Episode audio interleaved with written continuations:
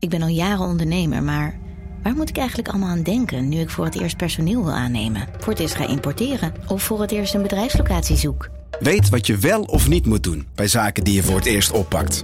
Check kvk.nl voor praktische stappenplannen. KVK, hou vast voor ondernemers. Goedemorgen. Precies op tijd. Ah, ook lastig. Ja, het is druk, Dag 50 van de strafzaak tegen Willem Holleder is de laatste.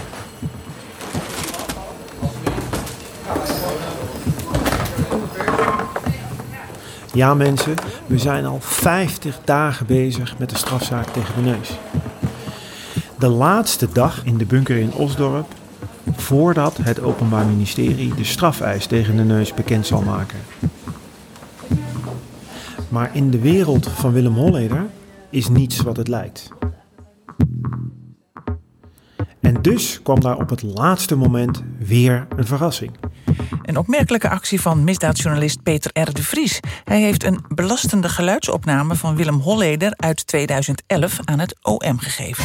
Peter onthulde gisteren een opname van een telefoongesprek dat hij eh, met Willem Holleder voerde. Dat aangeeft dat Willem Holleder on top of crime is en dat hij overal van af weet, overal een vinger in heeft en uh, dat hij bovendien uitspraken doet die hij eerder in het proces met Klem ontkend heeft. Een opname dus. Een opname van een telefoongesprek tussen misdaadverslaggever Peter R. Vries en Willem Holleder vanuit de gevangenis waar hij op dat moment vastzit. Hey Peter, hoor je Willem Holleder zeggen. Dag Willem, zegt Peter, hoe gaat het met je? En dan begint Willem Holleder te vertellen over zijn hart. En dat het niet zo goed met hem gaat. En dat hij op een speciale afdeling zit en dat hij geen zout mag eten. Maar weet je, zegt Willem tegen Peter, als mijn hart het begeeft, dan ben ik zo weg. Dan word je duizelig en dan is het klaar. Dan voel je helemaal niks van. Wat dat betreft ben ik blij dat ik dit heb en niet iets anders.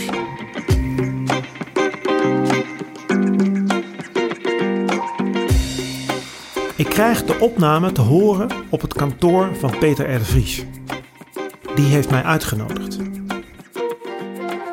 Je hoort een heel amicaal beginnend gesprek tussen twee mannen die elkaar al heel lang kennen. Om te begrijpen waarom deze band er echt toe doet, moeten we terug naar het begin van het proces, bijna een jaar geleden, februari 2018.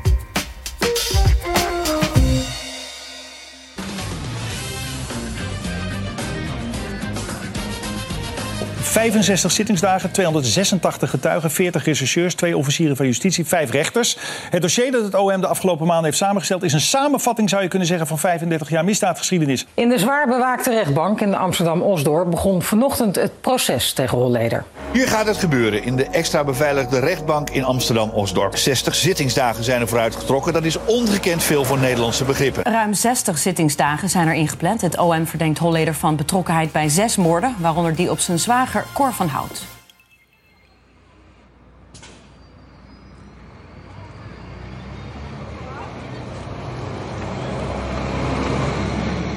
Het is koud die eerste weken van februari. Maar toch staan de mensen rijen dik voor de bunker in Osdorp. Er zijn zelfs speciale hekken door de politie weggezet om de mensen in goede banen te leiden. Al deze mensen staan niet in de rij voor een popconcert. Ze wachten voor de zwaar beveiligde rechtbank in Amsterdam, waar het proces tegen Willem Holleder is. De belangstelling lijkt iedere dag groter te worden. Sommige mensen komen niet eens binnen na een lange ochtend in de kou staan. Verreweg het grootste deel van deze lange rij stond vanmorgen tevergeefs voor de deur van de rechtbank. Er waren veel te weinig plaatsen voor zoveel belangstellenden. Zij kregen dus niet mee hoeveel Astrid geleden heeft onder de terreur van haar broer en hoezeer ze bij hem in de tang zat. Iedereen wil luisteren naar Holleder en zijn zussen Astrid en Sonja. Nederland is in de ban van de zielenroerselen van de familie Holleder.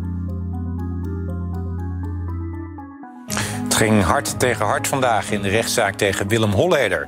Zijn advocaat botste keer op keer met Sonja Holleder, een van de belangrijkste getuigen in dit proces. Sonja Holleder was behoorlijk geïrriteerd en schreeuwde zelfs af en toe. En dat was dan vooral op momenten dat de relatie met haar broer Willem ter sprake kwam. Eigenlijk zeiden beide partijen, zowel het OM als de verdediging, dat ze van plan zijn de komende maanden Holleder te demythologiseren. Als zit Holleder beet veel van zich af. En ze zit in zo'n kleine cabine. Hè? En daar wordt ze natuurlijk al ingezet voordat uh, niemand mag haar zien. Of in ieder geval, uh, haar broer mag haar in elk geval niet zien. Je merkte, hij, hij begon te kuchen, uh, te draaien op zijn stoel. zei de hele tijd van, ja, maar dat meende ik niet zo. En ik zei maar wat. En ik, ik werd onder druk gezet. En ik bedoelde het allemaal niet zo. Het gaat daar hard en emotioneel aan toe in de rechtbank. De verhalen van Astrid en Sonja zijn rauw. De pijn zit diep. De emoties zijn groot. Ze barsten op sommige momenten in tranen uit. En dan weer beginnen ze te schelden tegen hun broer. Ja, Sonja bleef herhalen. Het werd bijna een mantra om te horen. We moesten normaal doen. Ja. We moesten gewoon doen alsof er niets aan de hand was. Want als we dat niet zouden doen, dan zou hij denken dat we met de politie zouden praten. Dan zou hij ons niet meer vertrouwen. En ja, zoals Cor altijd had gezegd, je moet je vijand dichtbij je houden. En de enige manier om normaal met hem om te gaan, geen argwaan te wekken, was gewoon uh, je gedragen alsof er niks aan de hand was. Ja. Er kwam een boek Judas van Astrid Holleder. En toen nog een boek, Dagboek van een kroongetuige. Daarna kwam er een toneelstuk. En er is inmiddels ook een serie van Judas op de televisie te zien. En daarin wordt het verhaal verteld van de zussen, zoals zij de geschiedenis met hun broer hebben beleefd. Invoedende woorden vliegen over menig talkshowtafel. Ik had het heel benauwd. En het is wat je zegt nogal een pil, maar ik kreeg het steeds benauwder. deze mensen hebben zo met een geheim geleefd. En het is ook bijna sectarisch. Want uh, vaders wil was wet. En daarna uh, grote broer bepaalt hoe het gaat. Het, het, je leest het en je denkt de hele tijd, het is niet waar. Astrid en Sonja Holleder winnen de harten van Nederland. Willem Holleder stelt daar zijn versie tegenover. Hij noemt het Jordaan Cabaret van zijn zusje. Wilde verhalen uit een oude arbeidersbuurt. Hij zegt steeds, het is Astrid. Astrid heeft gemanipuleerd. Die heeft uh, Sonja onder druk gezet. Die heeft ex-vriendin Sandra onder druk gezet om te verklaren...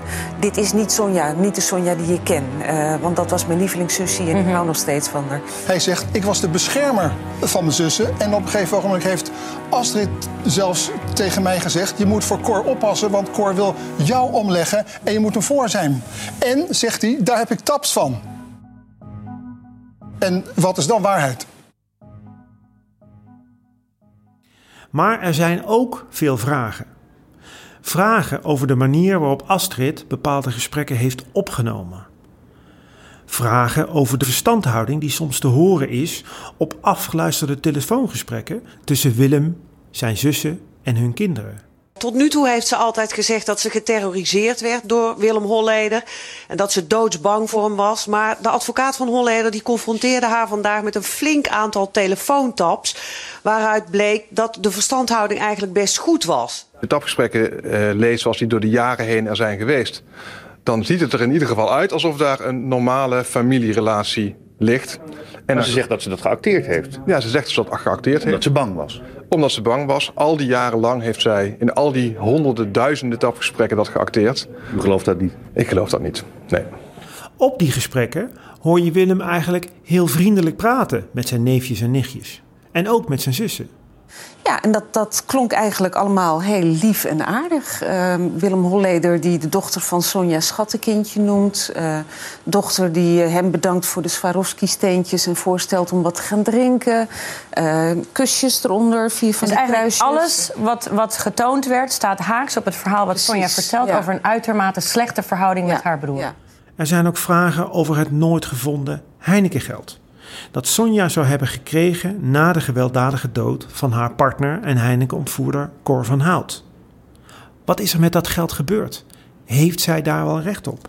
Ja, ja, ze zeggen allemaal om het hardst, zowel Willem Holleder als Sonja Holleder. Het gaat niet om het geld. Maar dat, die Achterdam in Alkmaar, die prostitutiestraat... die loopt als een rode draad door het hele dossier. En dat wordt door, ook door Astrid en Sonja aangevoerd... als het motief voor Willem Holleder om Cor van Hout te liquideren. Hij wilde die Achterdam hebben. Na al die vragen is één ding echt wel duidelijk geworden. Hier staan twee lezingen lijnrecht tegenover elkaar. Twee verhalen uit één familie. Eén versie verteld door de oudste, Willem. En een totaal andere versie van de twee zussen, Astrid en Sonja Holleder. Maar wie vertelt de waarheid van deze familiesaga?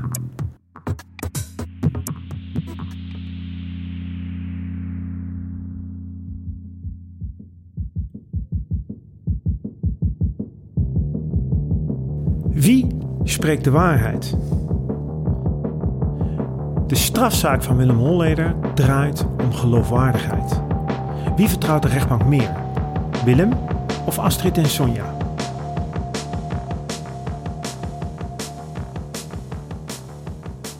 Astrid Holleder is een heel effectieve getuige gebleken. Astrid is in staat gebleken om haar verhaal op verschillende niveaus te vertellen. Ze kent als strafrechtadvocate de gang van zaken in een rechtszaal en spreekt de taal van de rechters.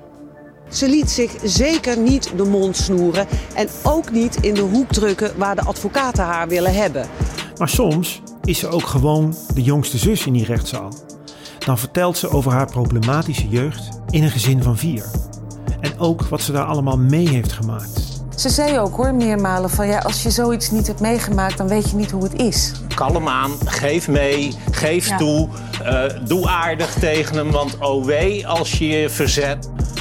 Op het ene moment interpreteert ze voor de rechtbank de inhoud van de in het geniep opgenomen gesprekken die ze met haar broer voerde.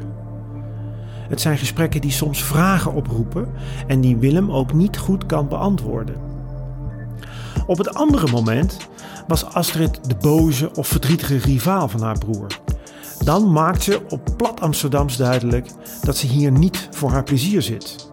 En schieten de emoties van intens verdriet en gevoelens van verraad naar diepe haat. Een hond die kinderen bijt moet je ook afmaken, verklaarde ze. Willem is ziek. Voor Astrid is er maar één reden om dit allemaal te doen. Haar broer moet worden gestopt. Zij zegt ook, uh, ik weet dat hij verantwoordelijk is voor meerdere moorden dan waarvoor hij nu terecht staat. En op het moment dat mijn kinderen, mijn kleinkinderen iets overkomt, dan gooi ik dat allemaal naar buiten.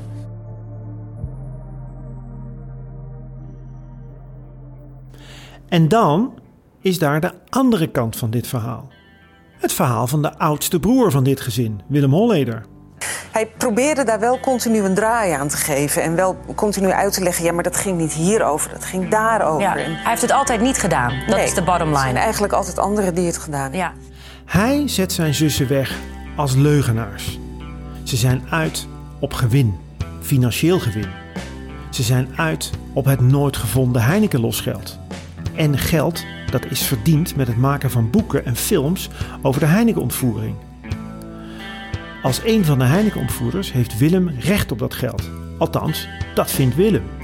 Maar omdat Cor van Hout daarover afspraken maakte met Peter R. de Vries, de auteur van het boek over de Heineken-ontvoering, kwamen die rechten na de dood van Cor terecht bij de kinderen van Cor en bij zijn vrouw.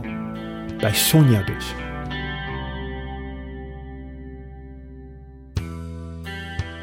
En verder, is hij nou echt zo'n tiran?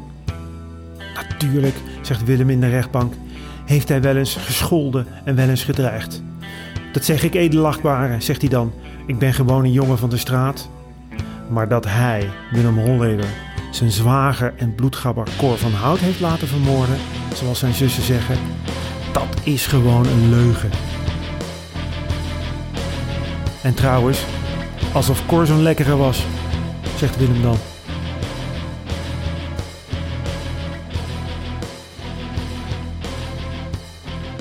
Nee, Willem wordt een beetje flauw van al die verhalen.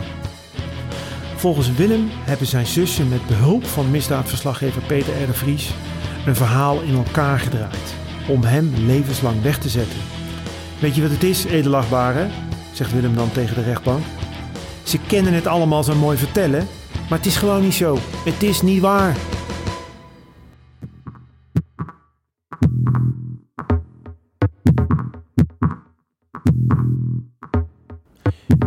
Spreekt de waarheid? En wat vertelde Peter R. de Vries mij dat een nieuw perspectief werpt op die vraag? Daarover straks meer. Eerst gaan we terug naar de bunker in Osdorp, waar de rechtszaak tegen Willem Holleder al snel ingewikkeld wordt. Welkom. Willem Frederik Holleder, 29 mei 58. Ik ben er. Zie het? Uh, en uh, ja, dus voor zoveel dat uh, niet bij u beklijft, u weet dat u goed moet opletten en dat u niet verplicht bent om antwoord te geven op vragen. Het gaat hier om 35 jaar misdaadgeschiedenis. Met heel veel verschillende namen.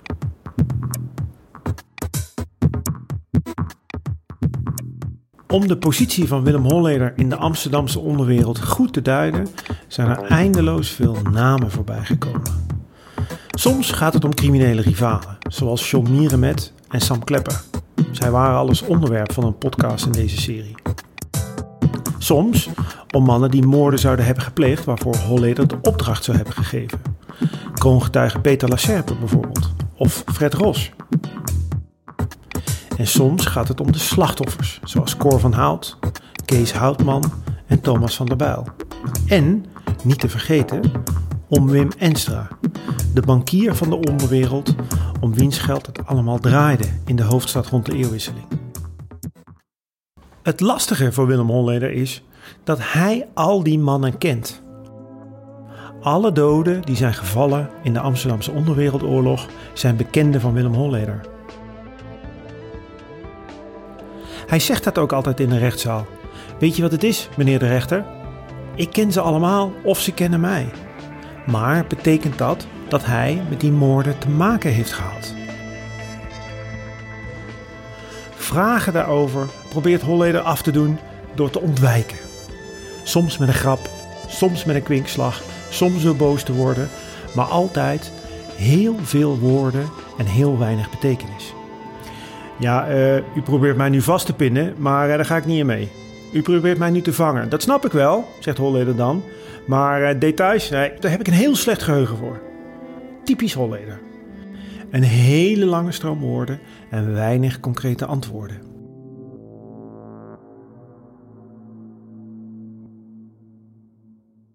Maar dan, in het voorjaar van 2018, valt Willem Holleder even stil. Er zijn er wat stukken binnengekomen. Een uh, uh, mail van. Dan beroept hij zich op zijn zwijgrecht. Ja, het ligt voor de hand, meneer Holleder, om u of uw raadsman te vragen of u op dit moment behoefte heeft aan een reactie op dat laatste stuk. Het gebeurt tijdens een verhoor van misdaadverslaggever Peter R. de Vries. Die is opgeroepen als getuige. U weet dat we vanmorgen bezig zijn met het verhoor van Peter de Vries. Ja. En uh, ik heb De Vries en Holleder komen al snel in discussies terecht over wat er nou wel is gezegd en wat er niet is gezegd. En Holleder beschuldigt de Vries van leugens. Want ik ga niet meewerken aan de Peter de Vries show. Ik blijf gewoon. Hij kan zijn show houden hier. En als dat achter de rug is. En dan doet de misdaadverslaggever iets waarop Holleder kennelijk niet gerekend had. Hij opent zijn dikke, goed gedocumenteerde archief. En wat komt daaruit?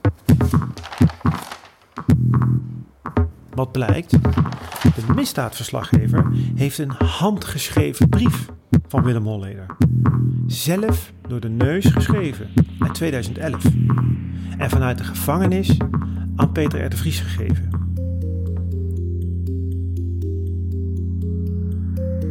Die brief had een geheim moeten blijven. Niet openbaren zonder mijn toestemming staat erop. In die brief heeft Willem Holleder namelijk allemaal geheime prijsgegeven over zijn rol en positie in de Amsterdamse onderwereld. Waarom doet Peter R. de Vries dit eigenlijk?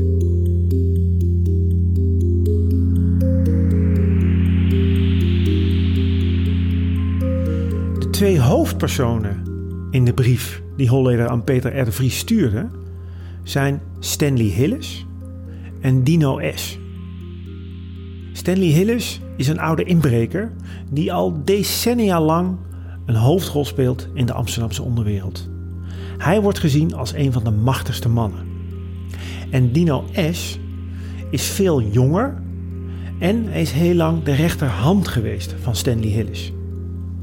Hillis is dood, dat is een belangrijk detail. Hij werd in 2011 doodgeschoten. Dino S. zit in de gevangenis. En samen met deze twee mannen zou Willem Holleder een driemanschap hebben gevormd. Een driemanschap dat de baas was in de Amsterdamse onderwereld.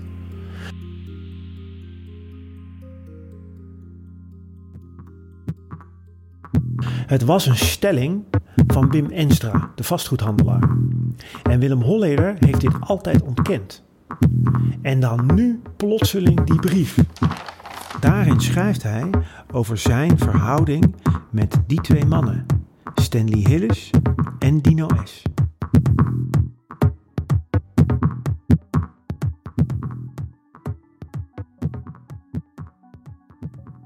Het was vastgoedbaron Wim Enstra die in 2003 begon over het driemanschap. Volgens hem waren deze drie mannen verantwoordelijk voor het afpakken van het geld, voor de afpersing van de vastgoedhandelaar. En Willem Holleder heeft het altijd ontkend. En nu is daar dan in één keer die brief. Op het moment dat Peter R. de Vries deze brief uit zijn mapje pakt, weet Willem Holleder echt even niet meer wat hij moet zeggen. Hij is even stil. Die brief schreeuwt om uitleg, zegt de officier van justitie. Maar Willem Holleder zwijgt. Hij beroept zich op zijn zwijgrecht. Dat is voor het eerst in deze strafzaak.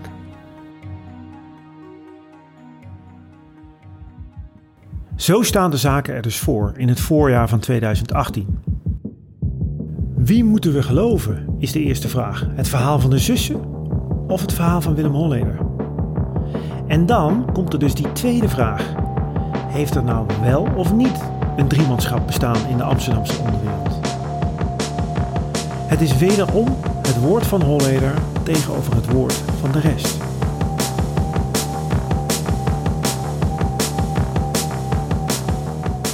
En nu draaien we de film een half jaar vooruit rechtbank. Morgen. Dank u wel. Gaat u zitten. Er is in die tussentijd van alles gebeurd. Er zijn getuigen gehoord. Er zijn stukken besproken. De nabestaanden van de slachtoffers zijn langsgekomen. Zeer emotioneel was dat. Eindeloze details over die 35 jaar misdaadgeschiedenis in Amsterdam. En dan, op de laatste dag, dag 50 van het proces, is daar weer Peter R. de Vries. Keer heeft hij geen brief bij zich, maar een opname. En eh, er is binnengekomen, en dat is de aanleiding om de getuige de Vries nog een keer te horen, de opname van het gesprek wat hij met u heeft gevoerd op enig moment vanuit het kantoor van uw toenmalige raadsman. Eh, dat is er eh, als geluidsfragment en het is ook uitgewerkt in document waarin de tekst is opgenomen. En ook dat stuk wordt toegevoegd aan het eh, dossier. En in die opname doet Willem Holleder precies wat hij in de rechtszaak niet wilde doen. Namelijk uitleggen wat zijn positie nou precies was. Vertellen hoe hij zich verhoudt tot Stanley Hillis en Dino S. Die brief schreeuwde om uitleg, zei het Openbaar Ministerie. En op de opname horen we de uitleg uit de mond van Willem Holleder zelf. Peter, ik ben bedreigd door de advocaat van Dino, die Fiek. Zij heeft gezegd dat ik een getuigenverklaring moet afleggen ten nadele van mezelf. Dat ik Enstra heb afgeperst en daarbij ten onrechte de naam van Dino heb gebruikt. Peter, het gesprek, het is een soort van codicil. Ik wil niet dat dit naar buiten komt hoor. Alleen maar als ik een onnatuurlijke dood sterf. Want dit kan natuurlijk gewoon niet. Dit zijn maffiapraktijken van een advocaat.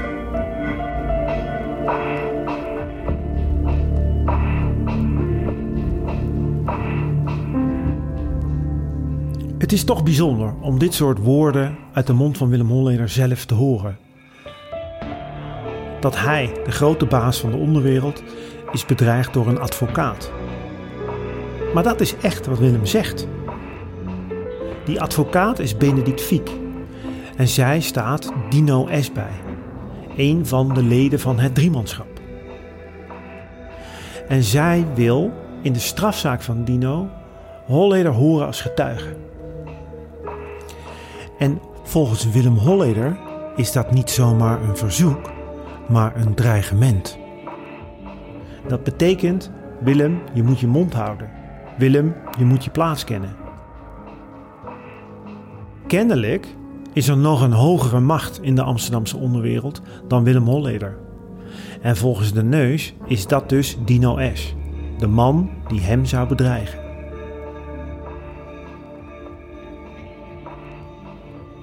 Nou, wat ik in die tape merk, wat ik hoor, wat ik beluister in zijn stem, is dat hij een bepaalde angst heeft. Hij komt daar telkens op terug en dat hij, dat hij zegt van ja, maar als ik daar iets over zeg, dan loop ik gevaar. En dan sterf ik een onnatuurlijke dood. En uh, hij zinspeelt er dan ook echt uh, met zoveel woorden op dat er sprake is van een, van een hogere macht die ook ver boven hem uitgaat. En nou ja, waar hij zelfs bang voor is.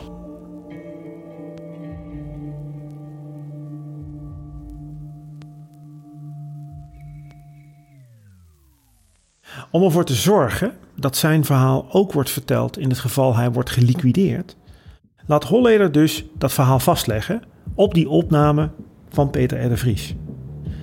En wat hij de misdaadverslaggever vertelt is het volgende. Dat geld, dat geld dat hij verdiend zou hebben met het afpersen van Wim Enstra, dat heeft hij helemaal niet. Dat geld is naar iemand anders gegaan. Het is terechtgekomen bij Stanley Hillis volgens Willem Holleder de machtigste man in de onderwereld. Hoe weet Willem Holleder dit allemaal? Het lijkt ingewikkeld, maar het is eigenlijk heel simpel. Het was Stanley Hillis die Willem Holleder naar Wim Enstra stuurde. Die wilde 10 miljoen terugkrijgen van Enstra. Hillis zei tegen Holleder: Ga jij bij die vastgoedbaron mijn geld terughalen. En om zeker te weten dat Hillis zijn geld kreeg, moest zijn rechterhand, Dino S., met Willem Holleder mee. Zie daar wat Wim Enstra altijd het driemanschap noemde.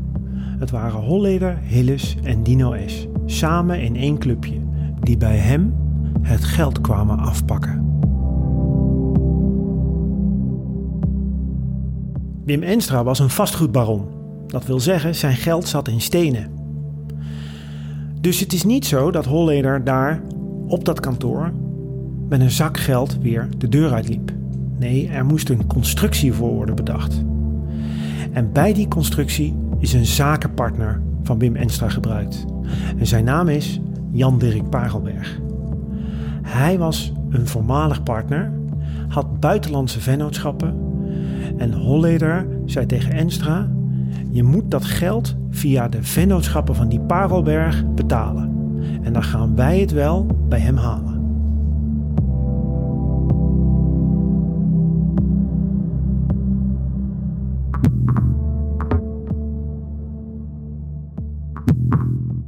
Zo, die zit.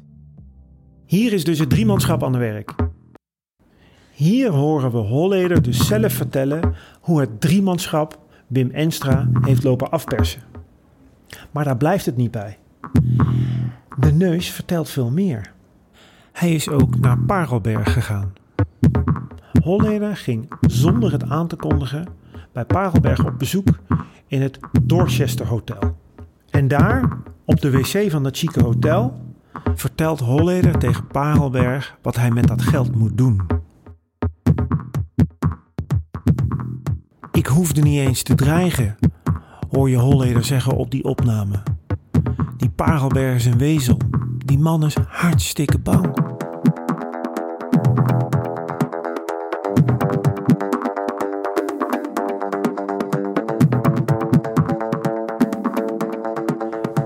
Dus. Maar waarom is dat nou eigenlijk van belang? Want wat Holleder allemaal vertelt gaat over afpersen. Maar hij wordt verdacht van liquidaties. En hier komt een belangrijke zet van het OM om de hoek kijken. Het Openbaar Ministerie zegt namelijk niet alleen dat Holleder zelf opdracht heeft gegeven voor liquidaties. Hij wordt ook verdacht van het lidmaatschap van een criminele organisatie. En wie zijn volgens het OM de andere leden van die criminele organisatie? Juist, dat zijn Stanley Hillis en Dino S.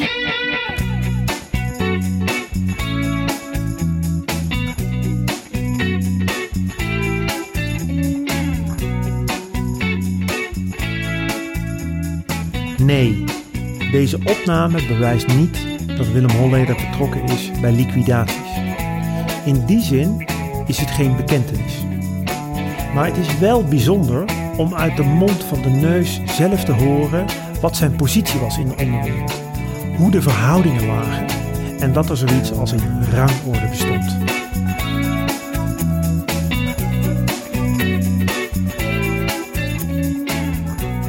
Dit was aflevering 7 van de podcast over Willem Holleder. Voorlopig de laatste. In de zomer van 2019 zal de Amsterdamse rechtbank uitspraak doen over de vraag of hij schuldig is aan liquidaties. Dan kun je meer van ons verwachten, want we blijven het voor je volgen. Deze podcast werd gemaakt door mijzelf, Jan Meijers, door Mirjam van Zuidam en Else van Driel. We hopen dat je ons blijft volgen. En als je nog meer wilt weten of de hele podcastserie nog een keer wilt terughoren, dan kun je terecht op nrc.nl slash holleder.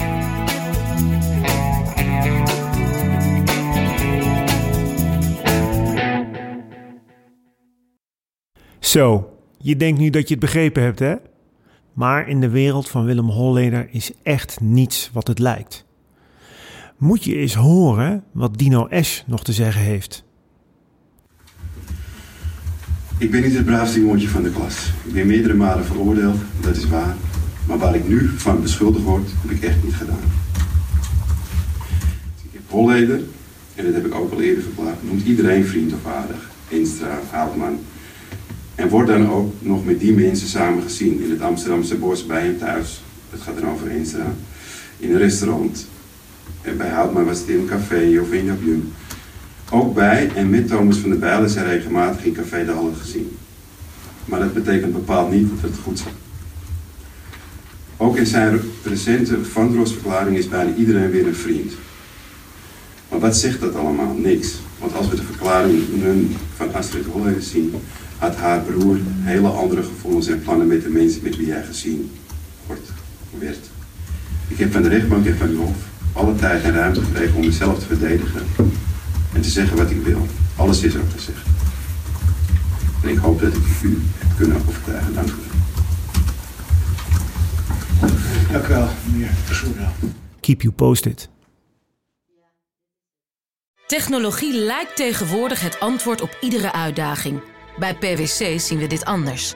Als we de potentie van technologie willen benutten, kunnen we niet zonder een menselijk perspectief. Human-led, tech-powered noemen we dat. Ga naar pwc.nl.